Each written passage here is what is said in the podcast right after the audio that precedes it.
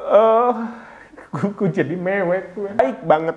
Baik bang, makanya rezekinya dia bagus banget gitu loh buat seorang Raffi.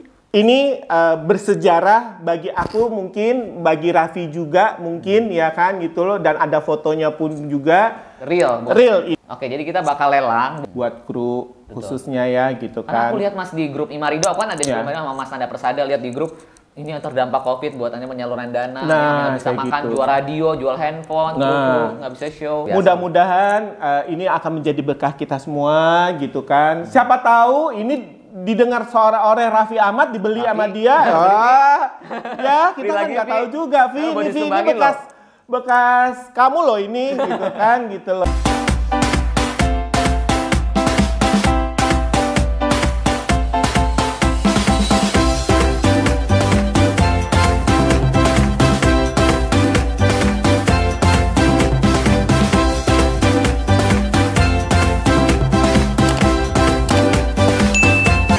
Selamat Hari Kemerdekaan Republik Indonesia yang ke-76. Semoga negara Republik Indonesia ini segera bebas dari pandemi ini. Gue sekarang mau studio podcast, tapi gue mau make sure wajah gue harus benar-benar clean. Karena walaupun kita cowok, wajah juga harus bebas kusam. Yuk, ikutin gue cuci muka. Untuk wajah bebas kusam, gue selalu pakai rangkaian face care dari Scarlett Whitening. Pertama, gue pakai facial wash dari Scarlett. Ini bagus banget karena mengandung glutathione, vitamin E, rose petal, dan aloe vera yang berguna untuk melembabkan dan mencerahkan wajah. Next step, gue pakai Brightly Essence Toner produk terbarunya dari Scarlett. Ini bagus banget karena mengandung vitamin C, glutathione, jeju propolis extract, allantoin, dan grape water yang mampu meningkatkan produksi kolagen, menyegarkan, melembabkan, meredakan peradangan, dan mencerahkan kulit, serta membuat tekstur kulit lebih halus dan kenyal. And don't forget to use serum and cream ya. Gue pakai Bradley Ever After Serum. Ini bagus banget karena mengandung lavender water, vitamin C, phyto whitening, niacinamide, dan glutathione yang berfungsi mencerahkan dan melembabkan wajah, serta menyamarkan bekas jerawat dan menangkal radikal bebas. Biar makin glowing, jangan lupa pakai glow serum Scarlettnya ya. And last but not least, cream. Ini ada dua macam, yang day dan night. Karena gue pakai siang hari sebelum beraktivitas, gue pakai yang day. Yang gue suka dari krimnya ini sudah mengandung UV protection, sehingga aman banget digunakan untuk aktivitas di luar ruangan. Kalian nggak perlu khawatir, semua produk dari Scarlett Whitening ini sudah BPOM dan sudah teruji klinis bebas merkuri dan hidroquinon. Jadi udah pasti 100% aman. Dan harga satuannya cuma Rp75.000 aja. Awas, jangan beli yang palsu. Yang aslinya, cek kolom deskripsi gue. And now, gue mau ganti baju, siap-siap dulu. Let's go studio podcast.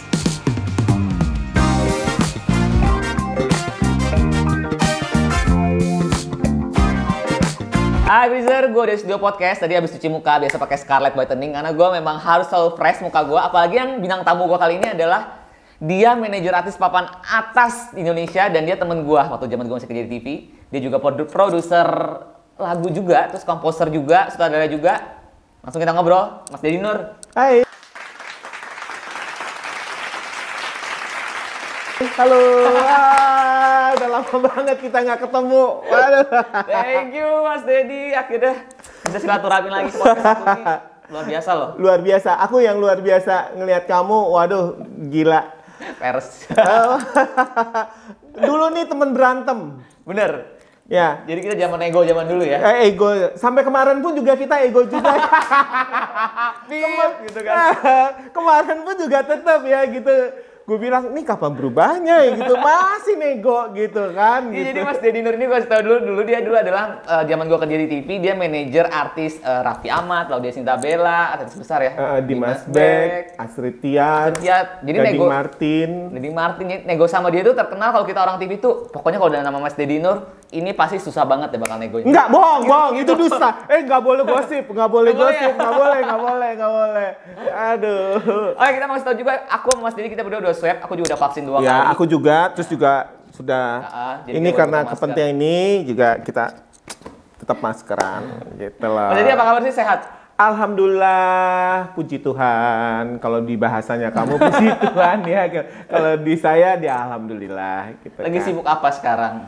Sekarang ini ada beberapa project yang istilahnya kebetulan aku sebagai produs ya Hmm. kan untuk eh, ada eh, beberapa single ya Oke. kan kebetulan juga saya produsnya saya juga untuk apa eh, mengerjakan untuk penata musiknya juga Hmm. gitu kan dan kebetulan juga eh, eh, yang yang eh, bernyanyi ini juga artis-artis baru gitu loh Hmm, Jadi Mas Dedi ini adalah pencet- pencipta lagu yang ini kan namanya cinta. namanya cinta Diam diam Jadi gini, gini, no, no. Nah ini, nah gini ya. Jadi eh, kebetulan nih, eh, kebetulan saya melurus itu lagu emang lagu saya, Ya, ya, lagu Dedi. aku. Jadi songwriter itu punya saya sebenarnya. Hmm. Pengalamannya peng- pengalaman Mas Dedi Ya, ya kan. Oke. Tapi saya me- me- bekerja sama dengan Tengku Syafiq untuk membuat lirik Oh, dari lagu itu, ya kan? Karena kebetulan waktu itu Tengku Syafiq itu sebagai di either di manajemen saya, namanya dia saya yang angkat. Nggak usah deh pakai nama gua gitu kan. Oke. Gitu. Jadi Oh, aku oke. orang yang di belakang layar sebenarnya. Jadi tapi sekarang menyesal nama gua nggak ada gitu kan karena lagu itu meledak ya kan. Oke. Tapi ya sudahlah gitu Iya. kan mau diapain lagi gitu. Betul, betul. Dan Mas Dedi juga sutradara untuk lagu-lagunya Krisye, Ruth Sahanaya, Grace Ya. Fredly. Ya, eh, video klip, Video Yofi, Nu- klip. eh, Yofi Nuno, Iya. terus eh, Ba- Audi juga banyak banyak banget. Dari tahun berapa Mas Dedi berkarir di dunia di belakang layar dunia entertainment makanya? Kalau mau dibilang berapa lama, saya itu di tahun 93, 94. Buset, aku baru-baru awal lahir masih ya oke. Aku masih berondong. Oke, ya, terus? Jadi aku masih lulus eh, SMA ya kan, gitu loh. Aku juga eh, nyari duit sendiri ap- gimana sih Iya. gitu ya, gitu. Jadi akhirnya dulu saya juga pernah yang sebenarnya juga menjadi seorang produser atau sebagai sutradara juga nggak langsung sih. Hmm. Dulunya saya tuh juga jadi asisten Rizal. Rizal Mantovani. Mantovani Oke, ya kan Richard Buntario terus juga ada Alfani gitu Hmm. kan itu itu zamannya tuh ya orang bikin video klip ya gitu Iya. ya ya kamera cut top wah tisu mana Lap. itu saya tuh ngelapin keringetnya Mas Katon terus siapa itu artis-artis yang dulu yang kita garap video klip dari situ dulu saya Oke. awalnya. Jadi jangan melihat seorang Deddy Nur tuh yang udah wah gimana gitu. Enggak, saya emang perjalanan saya tuh memang memang eh, apa ya belajar sih sebenarnya. Dari situ saya belajar bagaimana menata kamera, bagaimana menstylish, bagaimana mendengarkan musik, apa di situlah bagaimana saya juga untuk bisa menemukan talent. Saya banyak belajar di situ. Itulah yang istilahnya gift dari Tuhan. Kelebihannya ya feeling sih gitu. Kalau jadi manajer artis dari tahun berapa Mas Dedi? Kalau manajer ya, artis itu eh, sebenarnya sebelum itu pun juga saya udah manajer sih sebenarnya. Dulu belum ada manajer-manajer. Oke. Artis yang eh, saya ini tuh Anjas Mara. Anjas Mara artisnya Mas Dedi? Ya. Oke. Saya iniin juga Ah. Sarah Sehan. Oh, Sarah Sehan. Ya, eh, kebetulan dia sepupunya Anjas Mara. Saya ketemu di depan pintu dia lagi berantem sama cowoknya. Ini siapa sih kok berantem cewek gitu kan di rumah Anjas waktu itu kan gitu loh. Gue tanya siapa tuh Jas? "Eh, sepupu gue gitu loh. Oh, di sini gue minta fotonya. Langsung besoknya cover untuk majalah gadis. Wow, tahun berapa itu Mas? Aduh tahun berapa itu ya? 90-an. 92-an, 93 lah gitu Oke. kan gitu. Itu langsung dan rebutan itu majalah Femina dan gadis itu rebutan untuk mengcover seorang Sarah Sehan. Oke. Nah, akhirnya di situ yang benar-benar saya profesional itu adalah di tahun 2000 adalah Astrid Tiar. Oke, itu ya, artis saya Tiar. pertama. Oke. Terus ada Gading, terus ada Zumi Zola. Gading pas pacaran sama Astrid berarti waktu itu ya? Iya benar. Jadi eh, pacaran sama Astrid dan kebetulan dia di- bukan artis ya dan nggak mau jadi artis dulu. Iya. Oke. Saya yang maksa sama Astrid tuh eh, untuk untuk jadi artis gitu Hmm, loh, ya kan. Akhirnya sinetron pertama itu adalah eh, kisah sedih di hari Minggu Marsyanda. Jadi Oh, kakaknya iya. Marsyanda Iya. itu. Oh, itu dari Mas Dedi pertama kali sinetron Pertama dia. Martin muncul. Oke. Iya, walaupun dia seorang anaknya aktor besar, tetap seorang Deddy Nur yang yang eh, Mengorbitkan pertama mengorbitkan kali lah. pertama kali. Alhamdulillah. Ya. Ya terus Zumi Zola juga ya Zumi, kan. ya. Ad- sekarang terus ada Adri Danu insert Ada Nuat Maja. ya oke. gitu kan sekarang sampai sekarang insert dia Iya. gitu loh walaupun udah nggak sama aku ya kan terus Kiki Rizky terus Tommy Kurniawan, Oh, Tommy Adi Kurniawan. Firansyah almarhum Iya. ya kan gitu. ya banyak lah Dan yang yang aku zaman yang zaman kerja di TV, nego Mas Dedi tuh seringnya waktu itu pas zaman pakai Raffi Ahmad, Ah, Raffi Bella ya sama Iya kan? Iya. Ya, Pokoknya gitu. dan aku tahu jadi perjalanannya seorang Raffi zaman waktu zaman kita di Trans itu ngundang dia masih sama Mas Dedi nego di Extravaganza ABG iya dulu EBG itu. Aku mungkin aku juga sempat nonton Mas Dedi di vlognya Ras Entertainment waktu itu yang Raffi datang ke rumahnya Mas Dedi. Hmm. oh iya benar-benar Sampai aku juga aku sempat terharu loh lihat dengan perjalanannya Iya. seorang Dedi Nur memanajerin Raffi Ahmad. Sebenarnya apa sih yang membuat Mas Dedi waktu itu yakin kalau seorang Raffi Ahmad itu dulu masih kalau Mas eh, Raffi cerita waktu itu honor masih 500 ribu dipegang sama Mas Dedi Nur terus nggak tahu itu kamu tahu tiba langsung sebetulnya dia- berapa berapa Aku boleh buka di sini? Pokoknya zaman dulu memang nego masih harganya jauh dari sekarang jauh-jauh banget. Terus katanya zaman dipegang Mas Dedi dari 500 ribu sinetron langsung 8 juta katanya. Kata Dedi eh Raffi itu di ya alhamdulillah Nggak gimana sih kacamata Mas Dedi seorang Dedi Nur bisa bisa memanajerin seorang Raffi Ahmad lalu dia Sinta Bella yang benar-benar dari nol bisa bisa jadi sebesar sekarang. Mungkin kita lebih ke Raffi dulu kali Iya, oke. Eh, sebenarnya lebih ke feeling ya. Feeling. Eh, dan dulu pun juga orang tuh, uh, gue sampai merinding tuh kan. Eh, jadi gini, eh, orang tuh banyak nggak nggak nggak aware dengan Raffi Ahmad. Seorang uh, siapa dia gitu kan? Why? I don't know. Dia tuh dulu kurus, cu- eh, cung, apa kuncung kring, tata ini manyun apa segala gitu kan gitu loh. Cuma saya meyakinkan dia gitu kan. Eh, terus juga eh dengan semangatnya dia juga, dia juga seorang workaholic ya kan, gitu pekerja keras. eh sebenarnya apa ya takdir sih. Gi- Bagaimanapun juga kita balik lagi takdir seseorang gitu. Terus juga apa namanya eh meyakinkan dia. Sampai saya eh, dia pernah bilang sama saya, gue pengen jadi aktor besar.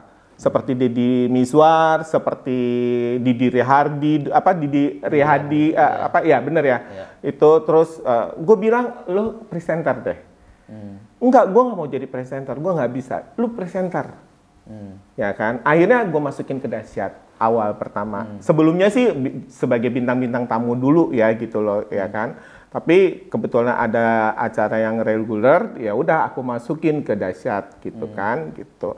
Di situlah seorang Ra- seorang Raffi ya kan eh, menjadi seorang bintang itu yang memulai itu dari situ gitu loh. Tadinya nggak mau, asli itu, tidak mau dia. Di bidang host dia nggak mau, Nggak mau. hanya mau sinetron top. Semua sinetron gitu loh. Tapi saya mem- mem- meyakinkan dia sampai saya hampir eh, berbulan-bulan gitu ya eh, bangunin dia pagi ya kan. Dengan- dahsyat. Dahsyat. Nah, emang dia nggak bisa bangun pagi? Nggak bisa. Oke. ya ad- ad- ad- eh, kalau saya nggak bisa kebetulan eh, asisten saya suruh jemput Mira ya waktu itu ya? Eh, ada Mira ada Ade ada Keket Ya. gitu kan Budi namanya terus eh, mereka bergantian untuk untuk iniin jadi eh, ya udah kita ketemuan di RCTI aja atau gimana gitu kan Hmm. itu hampir tiap hari untuk meyakinkan Raffi gitu loh untuk menjadi seorang eh, presenter gitu Hmm. kan Gitu. Tapi kalau dari kacamata Mas Dedi, Raffi ini emang lebih jadi lebih cocok jadi presenter daripada artis sinetron. Iya. Atau Gimana? ya Kenapa? dia tuh seperti popcorn. Bagi aku, saya selalu bilang, lu tuh kayak popcorn. Popcorn dutak, dutak, dutak itu. Terus bawelnya, apanya gitu kan. Itu nggak bisa diem, petatil lah. Oke, nah, petakilan. itu. Nah, Iya. sampai detik ini pun juga Hmm. nggak, seorang Raffi Ahmad nggak mungkin. Hmm. Dia tidak petatilan dan tidak mungkin dia tidak sehari nggak kerja itu iris kuping gue Hmm. dia orang yang workaholic. Maka aku salut banget gitu. Selalu saya bilang jaga kesehatan, ya kan, buat buat kamu. Terakhir pun juga eh, teleponan apa segala, jaga kesehatan apa segala gitu kan. Itu doang sih. Tapi gue penasaran nih, mungkin juga buat teman-teman penonton gue yang orang di belakang layar, Oh. seorang Mas Dedi Nur kok bisa sih bisa naikin harga artis dari 500 ribu jadi 8 juta, itu kan which is hampir 16 kali lipat kan? Apa yang buat Mas Dedi tuh yakin anak gue nih pasti bisa dapat harga segini? Dari kacamata manajer. Eh, Kalau dari kacamata, karena gue kan memaintain. Oke. Uh, segala sesuatu nih ini misalnya gelas, ini packagingnya harus bagus. Bagaimana caranya ini ba- ba- harus bagus kita kita jual untuk kita jual gitu kan. Setidaknya packaging dulu. Ya itulah kita harus punya modal dulu. Jadi dirimu mau packagingin Raffi, Iya, anak gua kita make over segini. semua. Kita make over semua.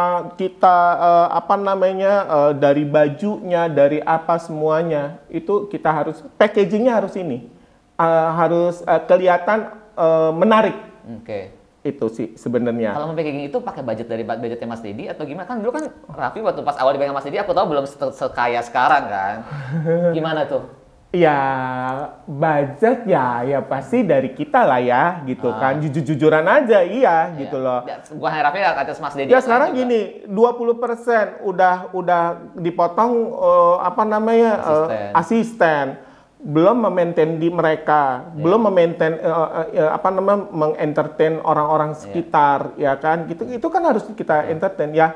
Kebetulan kebetulan pun juga emang Allah itu eh, sayang sama aku, aku dikasih side job yang lain juga Oh, Oke. sebagai sutradara dan itu beriringan semua. Jadi nggak kepikiran untuk ya udah yuk ini apa segala apa mau apa mau apa gitu kan. Udah itu aja sih gitu. Jadi tidak berpikiran oh nanti hitung-hitungan apa nggak nggak saya tidak pernah untuk hitung-hitung sama anak. Sama anak ya, saya tidak pernah.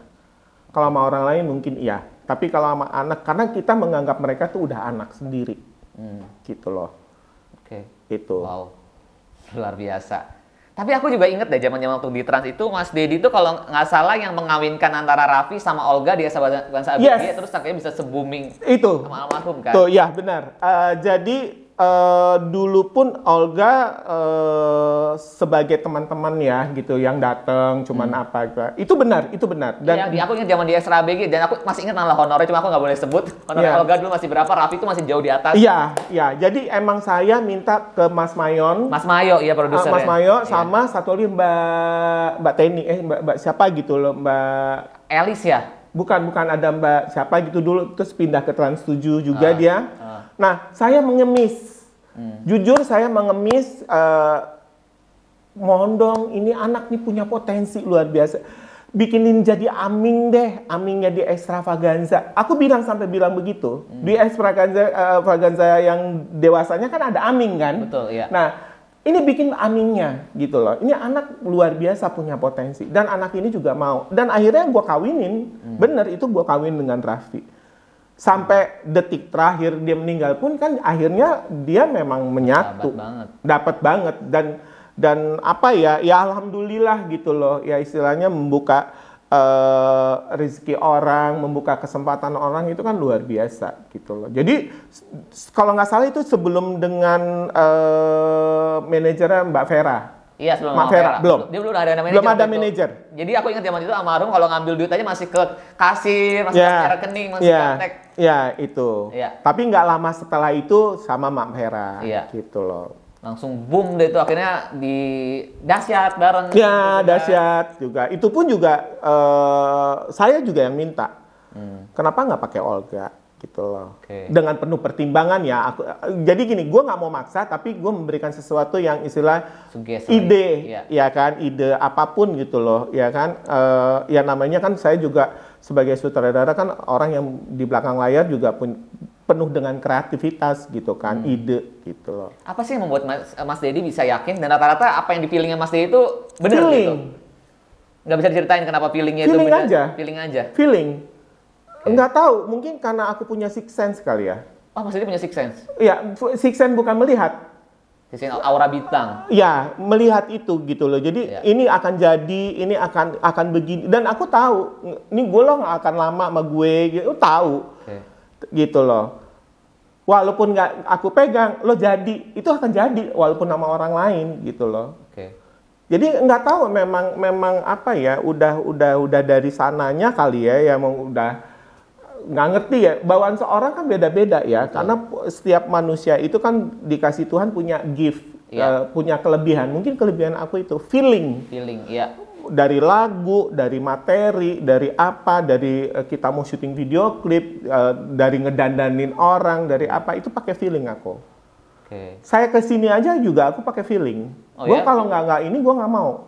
Iya, yang aku karena Mas Dedi kita udah kenal lama zaman Karena ya, ya itu tadi gitu Iya. kan. Eh, bukannya aku mau belagu apa gimana? Enggak, aku pakai feeling gitu loh. Hmm. Pasti ada something, eh, eh, sesuatu nanti di di di blitz ini gitu kan. Hmm. Eh, buktinya apa? Tiba-tiba setelah kita ngobrol, gua ada ide. Oh iya. Iya Nah, kan? Ini Mas Dedi ada ide ini benar-benar. Ada benar-benar. ide kan, Iya, iya. gitu kan. Jadi, Nah, kita mau kita, kita, Ada kita, kita sesuatu. ngobrol di belakang sebelum ini. Jadi gini Mas Dedi, kita kan yang ngobrol tentang orang di belakang layar teman-teman kita kan. Eh. Banyak yang terdampak Covid gara-gara Iya, pandemi iya, iya, kan. iya, iya, iya, iya. Teman Mas Dedi ada nggak yang kayak kru-kru yang sampai nggak bisa makan, jual apa, jual apa? Sebenarnya banyak kayak begitu ya gitu loh. Jadi eh, saya pun juga eh, merasa terpanggil eh, apa namanya karena kan kita juga sama ya eh, semua berdampak semua semua bukan aku aja bukan kamu doang apa se- semua. Cuman eh, saya punya sesuatu yang istilah bisa berbagi yang sesuai dengan kemampuan aku ya kan. Ini kebetulan apa namanya aku ada eh, baju yang pernah saya beli ya kan di tahun 2005 Oke. ya. Iya. Baju ini 2005 apa 2006. In- baju ini dipakai oleh seorang Raffi Ahmad Hmm. untuk acara Gadis Sampul.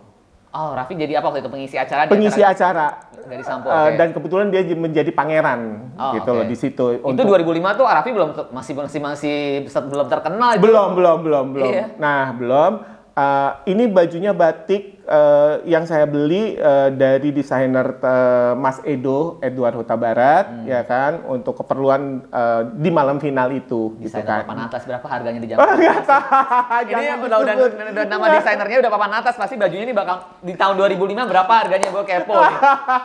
Hati. ya gini, kalau aku bukan bukan masalah harganya atau gimana ya, tapi masalah prestisnya sih Iya. sebenarnya gitu kak. Iya. Dan juga Mas Edonya juga kan belum sehi ini juga sekarang. ya gitu loh.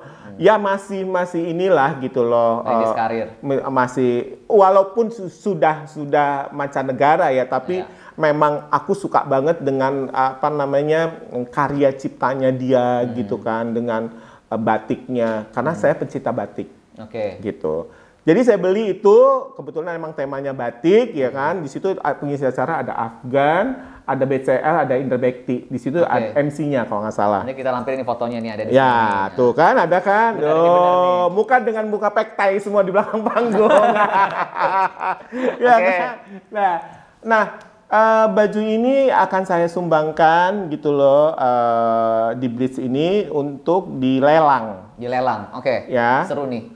Oke. Dilelang, jadi saya akan hibahkan ke sini terserah nanti tolong di apa namanya salurkan Hmm. eh, amanah ini ke orang-orang yang membutuhkan. Kita akan eh, salurkan untuk teman-teman kita orang di belakang layar terdampak pandemi ini. tadi pandemik kita ini. Ya. Pokoknya please mohon dibantu, didukung eh, dengan cara beginilah eh, kita, Kita bisa bisa bantu. ngebantu Teman-teman Dan- kita di belakang layar. dari belakang layar dan kebetulan jangan melihat eh, dari eh, eh, apanya tapi melihat dari eh, memori apa sejarahnya Iya, benar setuju. banget. sejarahnya gitu loh. Ini benar-benar dipakai oleh eh, seorang Raffi Ahmad yang belum terkenal seperti sekarang ya gitu. Hmm. Tapi ya begitulah gitu loh. Oke, jadi siapa Masih tahu- masih ada loh masih ini. ada saya loh dari tahun simpen dan masih 2005. bagus. Udah 17 tahun ya, Ya. berarti ya. Ya. 16 17 tahun dan ini kalau siapa tahu orang yang beli bajunya siapa tahu bisa Sultan kayak Raffi Ahmad nantinya. Bisa jadi Nular, amin. nular, nular, Coba editor gue bajunya mana? Coba mana, coba. mana, mana, Mana mana.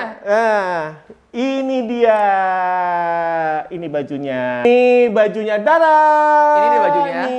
Ini real eh, ya, bener dipakai Raffi Ahmad ya. Jadi ada di fotonya juga ada tuh tadi. Ini dipakai eh, apa namanya me- eh, batik Mega Bendung. Batik Eh, Mega Bendung. eh, eh, karya dari desainer ternama eh, Edward Huta Barat. Oke, jadi kita bakal lelang buat teman-teman, eh, buat fanbase Raffi, boleh juga selain Raffi, boleh Siapa pun, siapa pun, siapa pun. pengen kecipratan biar auranya Raffi dapet. Jadi kita mau buka dari harga berapa nih Mas Dedi? Terserah aku, yang penting aku sudah menghibahkan ini, terserah dari Oke. pihak eh, manajemen bridge, bagaimana nanti eh, koordinasinya atau gimana. Yang penting ini eh, bersejarah bagi aku mungkin, bagi Raffi juga mungkin ya kan gitu loh. Dan ada fotonya pun juga. Real, bukan- Real ini. bukan baju gue ini bukan. dan ini juga bukan baju yang kemarin udah beli di apalah enggak. Ini benar, ini ini memang saya rawat. Hmm. Eh, Kebetulan eh, kemarin saya punya ide eh, kenapa saya enggak apa namanya berbagi kebahagiaan buat teman-teman kita, buat kru khususnya ya gitu Karena kan. aku lihat Mas di grup Imarido, aku kan ada Iya. yeah. sama Mas Nanda Persada lihat di grup ini yang terdampak COVID buat anda penyaluran dana, Nah, yang nggak bisa makan, gitu. jual radio, jual handphone, Nah. nggak bisa show. Nah, makanya mudah-mudahan eh, ini akan menjadi berkah kita semua gitu kan. Siapa tahu ini didengar suara oleh Raffi Ahmad dibeli Raffi. sama dia. Wah, ya Beli kita kan nggak tahu juga, Vi. Ini, Vi, ini bekas bekas kamu loh ini gitu kan gitu loh waktu Mungkin, gadis. Van gimana enak kita tulis di Instagram bis nanti kita lelangnya ya. Nanti kita akan post di Instagram Dris Entertainment. Kira-kira kalian mau lelang dari berapa? Nanti startingnya dari berapa? Aku mau rundingan dulu sama Mas Dedi. Kita post Ya. nanti starting dari berapa? Nanti pemenangnya kurang lebih kita kasih waktu seminggu. Yang eh, menang buat lelang kita langsung kirim produknya langsung ke tangan pemenangnya. Pemenangnya. Oke. Kalau misalnya dia di Jakarta, mungkin bisa menjadi bintang tamu ya. Oh bisa bisa dong. Bintang Boleh tamu. jadi bintang ide tamu lagi loh gue. Oh, ide lagi loh. Nah, berarti bayar lagi loh. Ayo bayar lagi loh. Iya, iya. Ya. Oke. Seorang apa talent ini eh, koordinat apa Ex koordinator koordinator TV. eh, TV sama manajer hitung-hitungan gitu tetap. Seru. Sudah. Oh kita lanjut pembicaraan ini. Berarti baju apa di sini aja dulu ya biar memancing orang buat beli. Iya. Ini bagus banget, asli bagus Bener. banget. Ini pokoknya langsung nanti kita posting di Instagram Breeze, langsung kalian komen berapa harga lelangnya, nanti pemenangnya langsung kita kirim. Ini produknya langsung, ini asli bekas bajunya eh, apa? Baju bersejarah seorang Raffi Iya. Ahmad di acara pina, apa pemilihan gadis sampul 2005. Dan bisa lihat di Instagramnya aku, ya kan, di eh, official underscore Dedi Nur. Di situ ada, kamu eh, scroll eh, apa namanya ke bawah, itu ada aku upload eh, baju itu. Luar biasa nih. Cus langsung komen juga di bawah nih siapa yang mau langsung ke Instagram, langsung yang pemenangnya langsung kita kirim. Eh, eh, bukan kaleng-kaleng loh ini. Bukan Ini kaleng-kaleng. ini baju sultan loh. Baju Sultan. Gue sih kalau kayaknya, kayaknya orang yang beli ini bisa langsung siapa tahu ket- ketularan kayak Amin, amin, amin. Aura bintangnya atau sultannya langsung. Amin. Oke, Mas terus Den, apa lagi? Kita ngobrol lagi mungkin mungkin bisa ceritain nggak sih Raffi so, Ahmad seorang zaman dulunya seorang Raffi Ahmad bisa sebesar sekarang ada nggak cerita bersejarahnya di kacamata seorang Mas Dedi Nur yang nggak terlupakan? Banyak sih sebenarnya ya. Eh, karena kita hampir eh, 24 jam sih kita berkomunikasi, terus juga ketemunya juga gitu rutin ya kan. Jadi eh apa ya? Ya kayak anak lah ya gitu lah. Jadi bandel-bandelnya dia ya kan, terus juga eh, marahnya dia, terus juga eh, ceweknya siapa aja. Siapa aja sih ceweknya paling hardcore zaman dulu? yang paling in, in apa sih namanya istilahnya in memorial ya apa sih yang paling nggak terlupakan dari seorang Dedi Nur? Hampir semuanya sih tahu sejarahnya ya kan gitu loh. Oke. Jadi eh, ya itu tadi sampai Raffi sakit pun juga eh, apa namanya aku juga yang ini. Jadi apa ya udah kayak anak sih ya gitu loh. Apa pun juga dia sakit dia apa-apa jadi aku juga tahu gitu loh. Sejelek-jeleknya Raffi berarti jelek di saya. Sebaik-baiknya Raffi berarti saya juga akan baik. Gitu lah.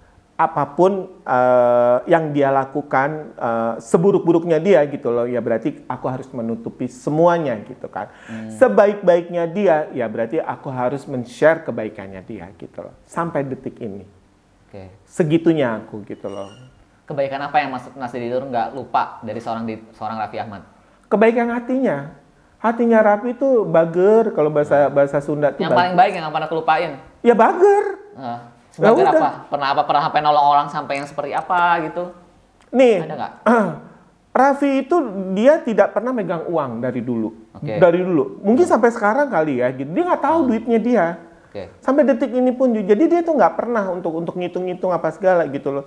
Eh, dia tuh cuman yang aku tahu dijatahin sama mamanya itu satu juta setengah dengan eh, eh, apa namanya eh, kredit card. Oke. ah. Dulu belum ada ini, jadi kredit card. Jadi dia mau apa mau apa dia pakai kredit card gitu loh. Dan uang untuk ongkos apa segala juga dijatahin. Seorang Raffi Ahmad loh dulu, ya kan gitu. Itu, ya Oke. kan. Dan dia pun juga orang yang selalu mem- orang yang tidak pernah tegaan sama orang. Ketiganya kayak gimana Mas?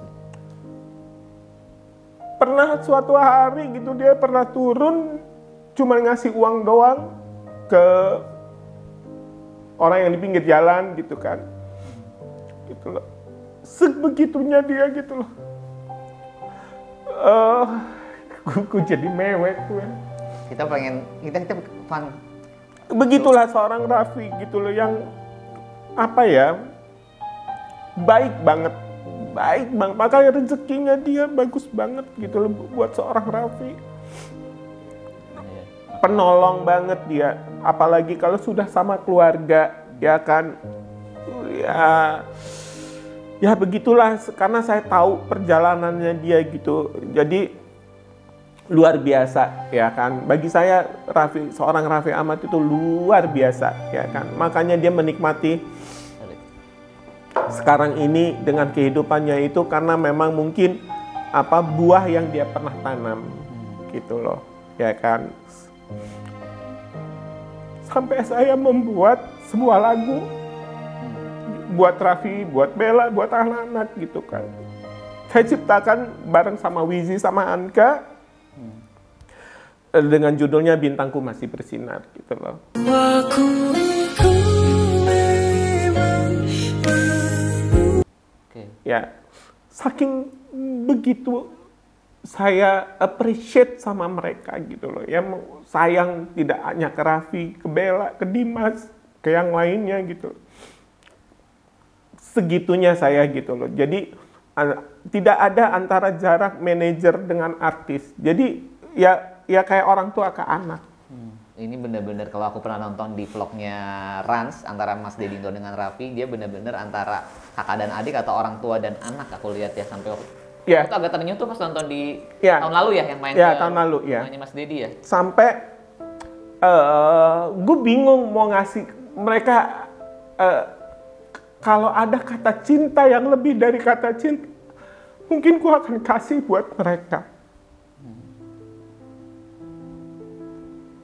kata cinta itu udah terlalu ini banget tapi kalau ada kata cinta yang lebih akan aku kasih buat mereka karena aku saking sayangnya gitu karena apa mereka yang memberikan suatu warna dalam hidup saya gitu loh Tuh. Lu juga pernah waktu Valentine, lu bayangin nggak gitu loh. Gue mau kasih apa ya Valentine buat mereka gitu loh. Sampai gue kepikiran gitu loh. Sampai akhirnya apa? Gue beliin tiket, kita makan malam di Singapura. Oh iya, aku nonton seperti vlognya Rans, Raffi cerita. Segitu, segitunya gitu loh. Saking sayangnya aku gitu loh. Saking pengen mereka tuh happy, gembira gitu. Saya minta mereka break syuting semuanya. Dan aku nonton kalau nggak salah itu pertama kalinya Raffi keluar negeri waktu itu ya. Iya. Yang Setelah katanya eh, waktu kecil ya gitu loh. Iya, iya. Dan itu saya saya iniin, saya bohongin gitu loh. Nah. Ada jumpa fans di ujung ujung pandang gitu kan Hmm. gitu. Ini bukan lebay, bukan apa gitu. Enggak, tidak ada lebay-lebayan mau mau mau kebetulan Raffi seorang yang lebih hit sekarang apa segala gue cuman mau nebeng gitu nggak ada Hmm. bagi gue nggak ada gitu drama drama kayak begitu nggak ada gitu kan iya. ya kan ya gue real ngomong apanya mungkin pernah gue ngomongin juga di vlognya Raffi tahun lalu gitu kan gitu. Nah itulah kadang-kadang kita tidak tahu yang namanya manu- manusia ya gitu. Ada aja orang yang iri ada orang yang dengki untuk bisa memisahkan kita atau apa ya gitu. Aku tuh berasa banget gitu kayak ada jarak yang orang yang pengen misahin kita gitu loh. Dengan ketulusan nggak bakalan bisa. Kalau kita yang namanya cinta dengan anak sendiri dia pun juga cinta ke, ke, ke- ke kita gitu. Apa pun juga tidak akan pernah bisa. Ya kan? Mau apa pun orang mau dengan berbagai cara apa pun ya gitu mau misahin itu tidak akan pernah gitu loh. Apa pun orang menanya kejelekan Raffi ke saya saya tidak pernah. Bagaimana ya itu tadi aku bilang jeleknya Raffi jeleknya saya. Baiknya Raffi ya saya juga dengan kebaikannya ini kan juga saya juga keangkat juga gitu loh Iya. sampai diundang sekarang ini gitu itu berkat apa gitu loh Iya. berkat kebaikannya dia gitu loh Gitu. Ta- Tapi kalau mungkin netizen juga pada penasaran, sebenarnya ada yang komen juga di, di konten aku pas aku collab sama asistennya Raffi atau siapa. Eh, Mas Dedi waktu itu alasan akhirnya ngelepas Raffi, disangkat Raffi lagi sejaya-sejayanya di tahun 2009-2010 kalau nggak salah Mas Dedi udah ngelepas Raffi. Kenapa Mas? Eh, karena gini, aku pernah eh, bilang suatu saat kalian akan mandiri. Ya kan, tidak selamanya gitu loh. Itu Jadi emang Mas Dedi pengen supaya Raffi jalan sendiri aja lebih tanpa- lebih lebih lebih mandiri. Ini jarang banget karena kan kita sebagai manajer kadang-kadang artis kita pas saat besar-besarnya justru kita saatnya panen kan. Maksudnya kita kan udah menanam di zaman dulu pas di awal merintis kan. Ini Mas Dedi malah ngelepas supaya dia mandiri. Karena aku bilang gitu loh, bagaimana juga kalian itu udah dewasa, ya kan? Eh, ini eh, baratnya eh, hubungan ini kan hanya hubungan profesional aja gitu, tidak akan selamanya juga gitu loh. Iya. Ya kan, kamu akan bisa belajar eh, berdiri di, di atas kaki kamu sendiri. Itu. Ya kan, ilmu yang udah saya kasih, ya udah. Ibaratnya gini loh, gue udah kasih pel- pelampung buat lo, ya kan, gue udah kasih kayak, apa sih perahu gitu loh. Silakan arungi lautan. Oke. Itu, jadi prinsip aku tuh gitu, gitu loh. Ya kan, Wow. Luar biasa. Maksudnya dari anak-anaknya Mas Dedi di zaman dulu yang booming-booming kan ada Ra- Raffi, terus Laudia Sintabella, Dimas Beck, kan anak sebagian anak BBB itu yang oh paling ya baik siapa? BBB apa? Yang paling baik deket sama Mas Dedi siapa? Semuanya baik. Temunya semuanya Semua baik. Sampai Ayu sekarang. Sampai sekarang Ayu Sita, terus juga Chelsea, baik semua. Alhamdulillah, alhamdulillah semua baik. Tidak ada yang tidak baik. Oke. Kiki Rizky, terus juga siapa lagi? A- hampir semuanya baik. Yang tidak baik itu kan orang lain yang menilai, Iya. ya kan? Itu aja sih. Orang lain yang menilainya itu pernah sama yang sejahat apa sama seorang Mas Dedi dan artis Mas Dedi pernah nggak ngalamin? Biar kita orang di belakang layar nih tahu nih orang di belakang layar nih ternyata ada hal yang membuat seorang manajer juga terenyuh atau tersudutkan gitu. Pernah nggak Mas Dedi mengalami yang titik paling Pernah, pernah. Ya kayak begitu udah pasti ya. Itu udah pasti. Eh, itu adalah suatu eh, dalam arti kata resiko. Segala satu kan kita ya, dal- dalam kerjaan itu kan pasti punya resiko. Setuju? Ya kan gitu. Apa pun gitu loh. Ya sekarang gini. Saya juga alhamdulillah contohnya kayak Mas Adri sampai detik saya yang masukin insert loh. Aku aku tahu karena aku dulu kan talentnya insert, aku nengok Iya. Mas Dedi waktu itu. Sampai detik ini loh. Iya. ya sampai detik ini loh ya kan tapi bagi aku itu suatu kebanggaan buat gue gitu kan maksudnya buat buat akunya sendiri ada satu kebanggaan gila udah berapa tahun 7 tahun 8 tahun 10 tahun 10 tahun lebih deh. nah ya kan itu kan luar biasa kalau dia mau mengingat aku alhamdulillah kalau kalau aku pasti ingat dia dia ya kan? Tapi bagi aku tidak tidak tidak apa ya eh, nanti tulus nothing tulus aja. Oke. ya sudah mau mau diapain lagi? Ya berarti kan eh, eh, jodoh itu kan juga kayak rezeki. Ya kan? Kita nggak bisa maksa. Hmm. gitu loh Iya. ya misalnya gue nemuin lo gitu kan setahun dua tahun gitu. Tiba-tiba eh, ya mungkin eh, ada sesuatu yang istilahnya yang tidak sejalan gitu. Ya udah berarti kan jodoh kita udah rezeki kita udah segitu udah selesai gitu loh. Iya. gitu loh. Terus kita mau maksain enggak. Ya kita cari lagi aja rezeki yang lain gitu kan. Toh rezeki kan bukan dari dia aja. Setuju. gitu loh. Atau rezekinya bukan bukan dari aku aja. Cuman gue membuka pintu. Karena membuka pintu itu susah kita tahu kuncinya lo kalau udah kebuka pintu udah masuk udah enak mau ngapain aja juga ini oh kan gue yang ini kerja oh kan gue ini hey halo Ini pembelajaran juga buat teman-teman gue. Kalau seorang manajer itu ngebuka kunci supaya Ya. seorang itu ngebu- ma- masuk di dunia itu tuh, tuh yang paling susah ya. paling maksudnya. susah Nah, Karena kunci itu kan banyak itu, mesti pas gitu kan. Iya. Tapi kalau sudah masuk, jangan-jangan sombong. Kan gue yang kerja, Iya. kan gue yang depan ini sering terjadi layar. nih. Ini sering terjadi. Iya kan, gue yang depan layar, gue, hey halo gitu kan, gitu loh. Tapi mas, artis Mas Dedi pernah ada yang seperti itu nggak? Dulu sih mungkin ada ya, Nah. ya ada ya kayak gitu. Cuman saya terangin lagi gitu ya. Mungkin karena emosi sesaat, karena hasutan orang atau apa, eh, bahwa kita itu kerja harus kayak jodoh. Ya. ya. Kan? Take and give ya kan? Gitu loh. Kita yang eh, ibaratnya ini main bola ya. Selalu sa- sa- awal- saya selalu bilang dari awal kita tuh kayak main bola. Ya. yang satu ngegolin yang satu ngegocek Ya. yang satu ngasih oper bola lo yang yang iniin gitu kan? Eh, masukin ke gawang gitu Iya. kan? Itu sebenarnya gitu. Oke. kayak dulu aku menanamkan itu ke Raffi apa segala jadi begitu itu Awal Mas Dedi bisa nemuin BBB gimana sih? Aku agak lupa deh. Eh, Jadi BBB, ya oke. Jadi BBB itu adalah proyek Meli Kuslo.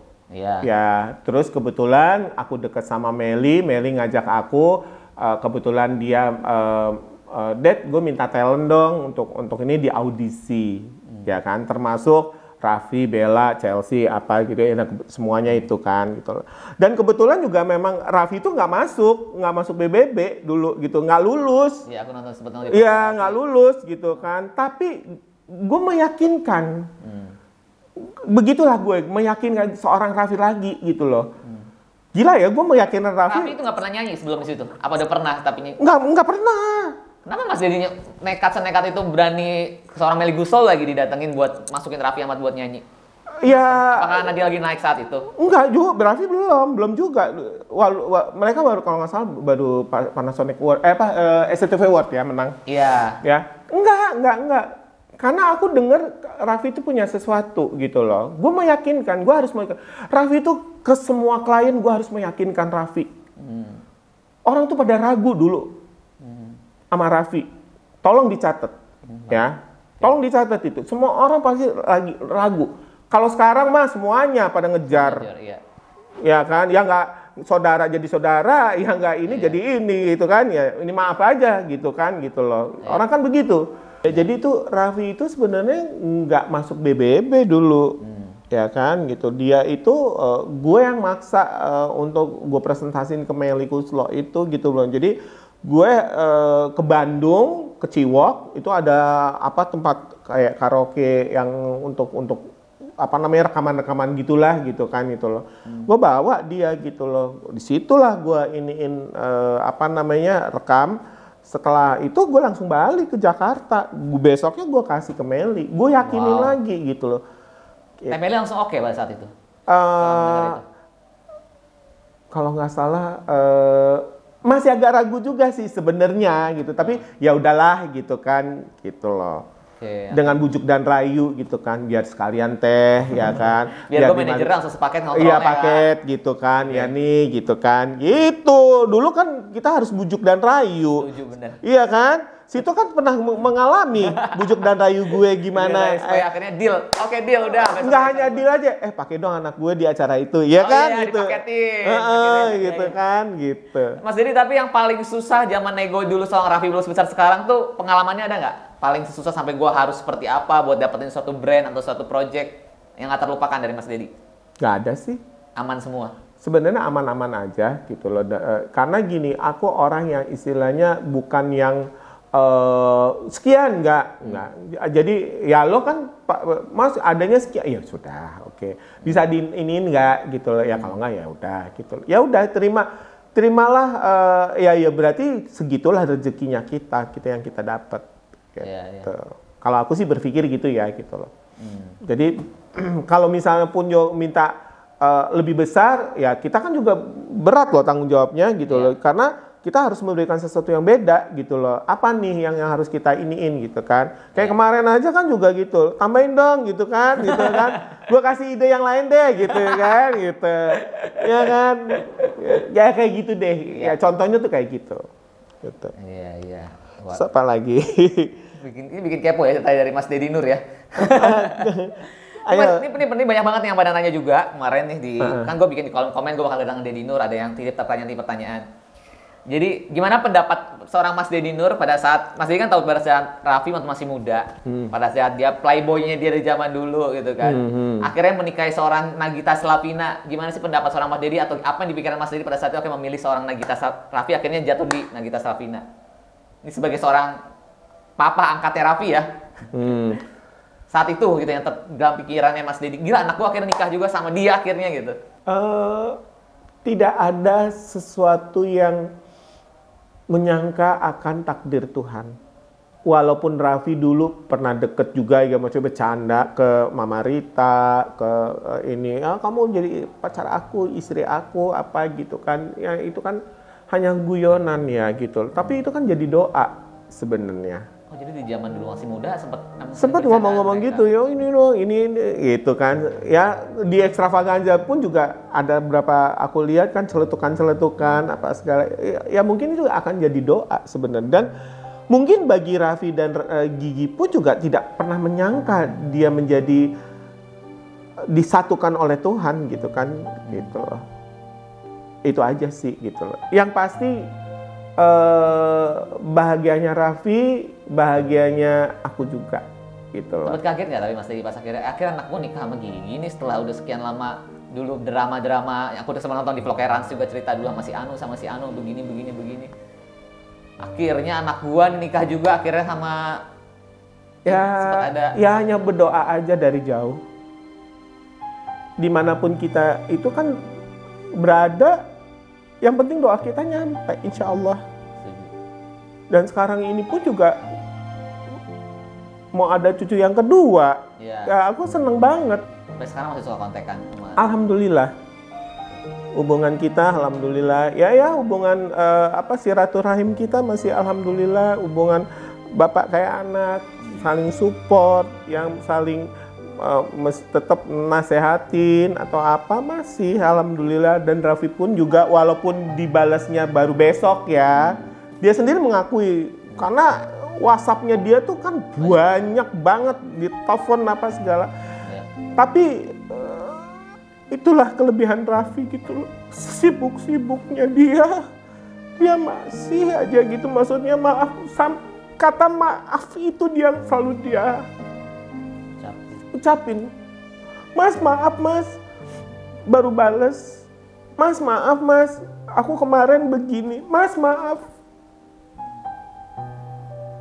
Itu yang saya selalu bangga. Bangga banget dengan seorang Raffi diajarin sama Rafiq sama Mas Dedi waktu zaman zaman manajer harus Iya. seperti ini. Oke. dulu cium tangan ke orang-orang kru apa segala itu. Itu yang saya ajarkan gitu loh. Nggak ada nggak perlu gengsi dengan kata maaf. Itu loh sampai yang apa ya aduh mas ini aku lagi ini ini ini ini gitu. Ya udah nggak apa-apa gitu kan. Tapi dibales gitu loh sama dia. Direspon sama dia gitu. Karena mungkin tiap hari banyak ya eh, WhatsAppnya telepon yang masuk apa yang waduh wah gitu kan. Mungkin sampai dan saya melihat sendiri emang emang sibuk banget gitu. Dia handphone itu ini banget ya kan? Titik terendah Mas, Mas Dedi selama di dunia belakang layar entertainment apa sih Mas? Selama Mas Dedi Nur selama jadi pernah jadi manajer artis, sutrang sutradara video klip, produser, terus komposer juga yang benar-benar ngerasa kayak gue hands up atau gue merasa gila ini gue titik terendah gue gue merasakan seperti ini. Pernah nggak sih? Apa gitu kira-kira? Kalau di titik rendah semua orang juga pasti punya titik rendah ya kan? Tidak ada dan kita tidak boleh munafik itu. Hmm. ya kan? Titik rendah. Tapi bagaimana caranya kita bisa give up? Hmm. ya. Eh, apalagi dengan masa pandemi ini ya kan? Itu berasa sekali ya kan? Tidak tidak aku aja gitu. Semua orang juga pasti merasakan. Ya itulah. Di mana saat titik rendah aku aku ya itulah tadi eh, yang aku bilang aku menciptakan lagu. Bahwa bintang gue tuh masih bersinar gitu loh siapa bintang itu ya mereka yang menyinarin gue gitu loh tadi ada, ada Raffi, Bella, Ya semua ya gitu Mas loh. dan lain-lain. Ya terutama Raffi Bella sama Dimas sama Kiki Rizky. Memang lagu itu emang khusus uh, Mereka. untuk mereka aku ini gitu loh. Ya kan, di mana uh, mereka masih masih uh, apa namanya setidaknya gue pernah sakit ya kan gitu kan sampai itu Raffi bilang gimana mas? Eh, udah sembuh apa gitu? Dia yang yang panik eh, yang apa ya? Iya. ya panik gitu apa segala. Gimana koknya gini? Koknya Mas Dedi koknya nggak boleh ini nggak boleh anu gitu. Dia walaupun dia lagi aku tahu banget dia tuh lagi live. Pas dia break dia WhatsApp karena aku nonton gitu kan gitu. Loh. gimana gimana ini? Ini udah udah ke dokter udah apa-apa gitu. Udah diperiksa apa? Dia yang paling eh, aware gitu loh. Itu yang makanya ada suatu kebanggaan eh, apa maksudnya? Apa ya? Apa yang mungkin kita tanam dulu gitu loh. Ya kan? Ya hasilnya ya begini gitu loh. Kalau aku sih gitu. Belajar dari Mas Dedi di zaman dulu akhirnya terhadap Raffi juga ditanamkan dan Iya. dia juga melakukan ter itu terhadap Mas Dedi juga Sama. sekarang. Dulu dulu dia sakit pun juga aku kurang apa ke dia. Itu sampai yang aku aku suapin dia sampai aku eh, balurin eh, ya kan? Sampai aku bener-bener eh, selimutin aku peluk dia kedinginan. Ya anak gimana sih gitu loh. Dia udah mendingan apa itu udah mendingan eh, apa eh, dia akhirnya pulang gitu loh kan. Sampai segitunya gitu. Bella pun juga lo ngebayangin nggak Bella? Gue satu kamar VIP berdua loh. Gue operasi dulu. Ternyata dia juga operasi berapa hari. Barengan? dia minta sekamar sama aku. Oke. Se- sampai segitunya gitu loh. Mereka nggak mau jauh dari aku gitu loh. Ada pada depan VIP lu bayangin untung VIP boleh. Kita tetap bayar dua gitu kan. Tapi dia nggak mau lepas nggak mau ini. Itu bela waktu itu. Waktu itu usus buntu. Oh iya iya. Aku juga lagi oh, abis operasi juga gitu kan gitu. Jadi bebarengan aku operasi dulu empat hari tiga eh, ini dia masuk rumah sakit nggak mau dia sendiri gitu loh. Udah sama Mas Didi aja akhirnya kita minta ke rumah sakit eh, MMC akhirnya sekamar sementara jahitan kita sama sama-sama dijahit gitu pas ngeliat gitu ketawa kita gitu ya Allah ya bapak sama anak yang sakit bareng gitu sakitnya samaan ya Allah bisa operasi gitu nah itu sampai segitunya Iya iya. anak-anak Tapi Mas ini eh, kenapa Mas Dedi katanya sekarang nggak mau jadi manajer artis lagi? Aku profil. sebenarnya Kenapa? gini, eh, ya setiap man- manusia itu pasti punya reward lah ya, Po- pasti punya eh, apa namanya, eh, bukan reward apa sih namanya eh, Kayak- untuk naik, Oh mau oh, mau naik level. eh, ya setidak-tidaknya itulah gitu. Mau naik Jadi kelas. bukan naik kelas sih sebenarnya kalau naik kelas belagu banget ya. Apa udah udah cukup udah titik jenuh, udah pengen mencoba sesuatu yang baru. Nah, kalau dibilang satu yang baru sebagai produser aku juga nggak nggak baru Oh, iya. ya kan udah udah jalan. cuman untuk saat ini mungkin aku lebih fokus oh, oke. ya kan? Kalau di manajer itu kan eh, banyak waktu tersita ya Hmm. gitu kan. Apalagi dengan usia aku juga gitu kan. Yang jalan 18 tahun ya kan. Baru Oke. kemarin 17 tahun ya gitu kan. Nah, jadi apa namanya yang harus kolokasi, apa nungguin apa kayaknya sudah udah bukan gue deh gitu kan gitu loh. Ya generasi lah buat eh, adik-adik Yang aku manajer-manajer yang eh, ya begitulah Iya. gitu kan. Iya. Ya mungkin saya lebih sekarang ini lebih menikmati eh, bermusik ya kan menciptakan lagu ya kan ber eh, apa ya Memproduserin film juga katanya. Eh, enggak, aku mau jadi sutradara film. Oh saudara film juga. Ah, ah. Produser juga ya rencananya. Gitu.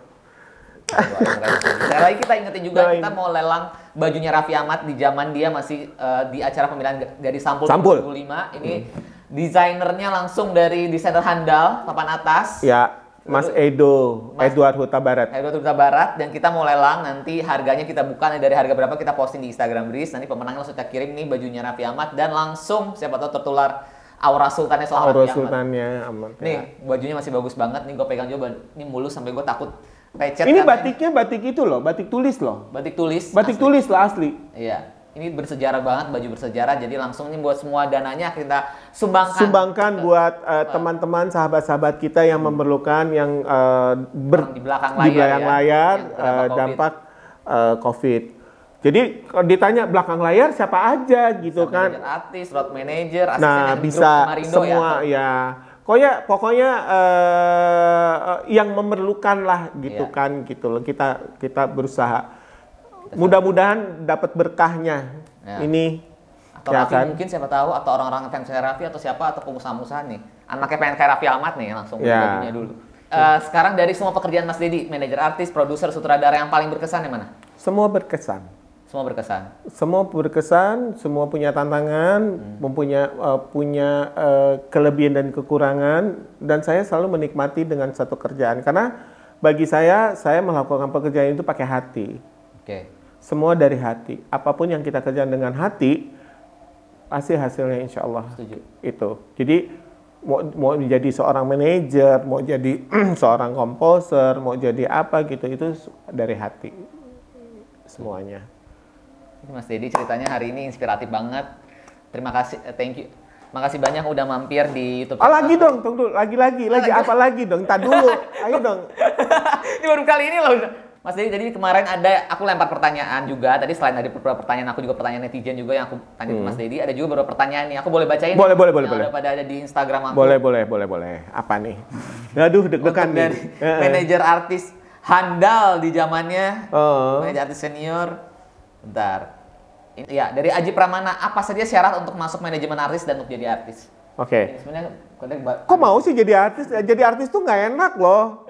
Eh, ah, bener, bener. Jadi artis tuh nggak enak sebenarnya ya gitu. Cuman cuman ngelihat ini doang apa namanya eh, packagingnya doang. Tapi itu fightingnya gila. Mm, Sama aja sih sebenarnya ya, sikut menyikutnya. Terus juga lu juga harus memaintainnya gitu kan. Yang yang pasti juga harus ada modal loh. Artis itu harus ada modal. Buat dia makeover. makeover. Ya iya kalau manajer kaya. Ya kan? Kalau manajernya cuma kayak begitu doang ya gimana? Ya kan? Bener loh. Terus Tapi eh kan banyak ngeliat aja artis yang dulunya pada susah terus akhirnya tiba-tiba kaya setelah jadi artis banyak juga Mas Dedi. ya kan dimodalin sama manajernya. Ya kan? Gitu. Ya, lu oke. pikir mereka udah ada duit? Ya nggak ada loh. Tapi mereka Dedi pernah ada Mas, Mas Dedi yang bilang banyak ya. begitu kayak gitu ya banyak gitu loh. Ya maaf gitu ya gitu loh. Ya kita yang modalin. Ya karena apa? Kalau aku karena aku yang mau. Hmm, oke. ya kan? Jadi ya kita modalin. Ya invest lah gitu Betul. kan? Gitu loh. Terus Syarat untuk masuk manajemen artis. Ya sebenarnya gini eh, kalau syarat ya kamu harus memenuhi aturan yang ada di manajemen itu sih sebenarnya. Memenuhi kriteria ya kan gitu loh. Itu aja sih. Terus juga eh, pasti nanti kan kamu juga akan dikontrak ya Ya. kan sama manajemen itu eh ya yang penting sih kerjasamanya ya saling ini aja sih eh, apa namanya terbuka aja sih Tapi Mas Dedi pernah nggak sih selama jadi manajer artis ada permasalahan sama orang TV atau sama klien tiba-tiba yang akhirnya eh, orang TV atau orang klien langsung nelfon ke artisnya langsung ribet lah manajernya segala macam. Banyak Separah paling parah pernah nggak ngalamin akhirnya ya, Banyak. Eh, lu juga pernah ngubungin Raffi apa siapa gitu loh. Iya kan? Gua tahu. Iya tuh dari talentnya dari Trans TV nelfon aku gitu. Budgetnya kegedean katanya Mas gitu. Enggak, udah. Eh, gila rempong deh gue bilang gitu kan gitu. Eh, kesel nggak? ah? Kesel nggak sih saat itu kesel nggak? Atau Iya kesel sesaat sih pasti. Cuman akhirnya kan kita nelfon lagi. Apaan sih gitu kan gitu. tapi artisnya pernah nggak ada kayak jalan sendiri setelah itu ah udah gue jalan sendiri aja karena gue dikomporin sama orang di belakang ini Maksudnya? manajer. jadinya karena gue di si orang di belakang layar ini ribet gitu sama manajernya akhirnya artis jalan sendiri Oh, ada. sama gue aja deh Itu ada. Itu ada. Itu itu banyak kayak begitu. Itu jalan pintas mah gila banyak artisnya gitu. Mas Dedi pun pernah ada yang seperti itu Ada. Ada. Ya kan dia nelfon ke gue. oh, oke Alasannya gitu. Ya udah kan kontrak gue sama ini udah selesai ini mau diperpanjang gue aja. Ada. Sampai sekarang masih ya kan gitu. Alasannya begitu. Mas Dedi nggak apa-apa nggak apa-apa lillahi ta'ala.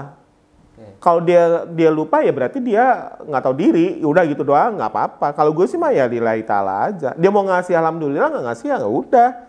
Semoga berkah itu aja. Rezeki gue masih banyak yang lain kan dari yang. Jadi gini, kalau aku berprinsip kalau nggak dari sini ya pasti dari sini. Kalau nggak dari sini ya pasti dari sini. That's it, udah itu. ya Itu ke malam. oke Jadi gue mengharapkan misalnya dari si A belum tentu. Ya mungkin aja dari si B. Gue menanam itu dari A. Hmm, Tapi nanti gue memetik buahnya di B Setuju. atau di C Setuju. atau apa gitu. Ya, that's it udah gitu jadi doang. sama ibaratnya kalau kita berbuat baik sama si A kita nggak usah berapa di, Nggak usah baikin sama si nggak usah juga nggak usah ah, nanti pasti dikasih sama orang yang lain kok. Itu itu yang makanya itu yang kita bi- bisa untuk bertahan. oke Itu kuncinya. oke Ikhlas. kelas Bener. Emang ikhlas susah. Hmm. Aduh, gitu kan gitu. Aduh, gitu. Tapi ya udah mau nggak mau ya kita jalanin gitu loh. Ya. Tiba-tiba ada aja rezeki. Yang nama rezeki mah udah udah nggak bakal bisa menolak. Tapi kalau memang bukan rezeki, nih ketemu nih artis baru, misalnya apa? Uh, kita udah udah udah make grooming, over, udah apa? Kalau memang enggak ya enggak. Ya berarti ada yang salah. ya Kalau nggak hatinya dia yang salah, kalau nggak kita gedumel. Ya Ya itu udah kalau udah kayak begitu mendingan lepas ya gitu. Ini luar biasa in- apa ceritanya dari Mas Dedi ya. Ini ada pertanyaan lagi nih. eh tadi kan udah di ini sih DWS 12 channel. Sejak kapan ketemu bakat Arafi? Tahun berapa Mas Dedi mungkin? Masih ingat nggak? Eh, 2002, 2002, 2003. 2002 2003. Dan itu pun juga nggak sengaja, saya dikenalin sama Tommy Kurniawan. Oh, Tommy Kurniawan kenalin. Mm-mm. Tom- Tommy Kurniawan di majalah Kawanku. Dia lagi ngeband sama Irwansyah sama Bunga. Bunga Citra Lestari. Iya, dia lagi ngeband dulu mau bikin acara, eh, terus dikenalin gitu kan. Kebetulan Tommy juga ngeband juga sama mereka. Terus dikenalin sama Raffi, udah itu janjian ngumpul bareng, apa biasalah gitu kan apa, apa. Terus kebetulan dia kan pacarnya Bella. Oh iya. Ya kan, itu eh, kita ngedate pertama ngedate, uh, ngedate ya gitu. Itu di Citos. Oke. Ya kita nongkrong di situ rame-rame apa segala. Uh dia dengan do- dengan dari ujung tuh ya, wuh do- sama Bella. Ya kan dengan mini ya dengan warna pink, twing twing gitu kan. Itu berdua tuh lucu dulu. Dulu tuh lucu banget gitu. Mereka tuh pasangan lucu deh. Ya kan bagi saya tuh mereka tuh Pasangan ABG inspiratif di zamannya. Di zamannya gitu kan, eh gila deh, tuh. wah dua itu, eh Mas Dedi apa apa, ya udah, ya dari situlah. Eh, dan apa ya, Raffi itu banyak loh yang nawarin dulu Nawarin untuk jadi manajer, oh, oke. tapi nggak tahu. Dia taunya ke Mas Dedi saat itu. Iya, gua nggak tahu. Eh, ya udah sama Mas Dedi, gitu aja. Bapaknya juga, bapaknya kan juga dulu kan sama bapaknya dia ke mana-mana. Ya kan, uh bapaknya juga galak gitu kan, maksudnya wah, bukan galak ini ya, maksudnya kebaikan. eh, dem- ya nggak lebih eh, melihat siapa nih yang mau gue titipin anaknya gitu. Oke. Total berapa tahun ya Mas Dedi itu pegang Raffi? Berapa ya? 2003 an. 7 tahun ya. Ya kurang lebih lah. Luar biasa ceritanya Mas Dedi. Ini inspiratif banget. Oh iya, aku juga mau ngasih buku nih buat teman-teman semua. Jadi ada teman aku nih Mas Gan- eh, Ganjar. Eh Mas Ganjar, Mas Ganjar. oh, Mas oh, iya. kenal juga ya? Kenal Dia ya bikin buku Allah. tentang TOS The Other Side of Talent. Jadi dunia di belakang layar entertainment. Jadi Eh keren. Ini Ini, orang nih gila loh. Ini talentnya RCTI Dahsyat ya, dahsyat dulu. Ah sama juga ya lu. Tawar menawar. Tadi medalisnya Marcel segalanya pernah jadi vlog podcast aku juga yang belum nonton nonton. Ada Eh. ini linknya di atas nama Mas Ganjar. Jadi aku mau ngasih buku tentang yang pengen tahu tentang dunia dunia belakang layar sesungguhnya. Syaratnya gampang banget kalian cuma tinggal komen di bawah. Besok mau toko di belakang layar siapa lagi yang kalian mau denger cerita. Hmm. Aku udah baca loh ini. udah baca. Udah baca. Bagus, kan? banget, bagus, banget. Pokoknya inspiratif banget Ini nih. aku mau kasih tiga biji. Syaratnya Oh. kalian follow Instagram aku juga biar naik follower aku.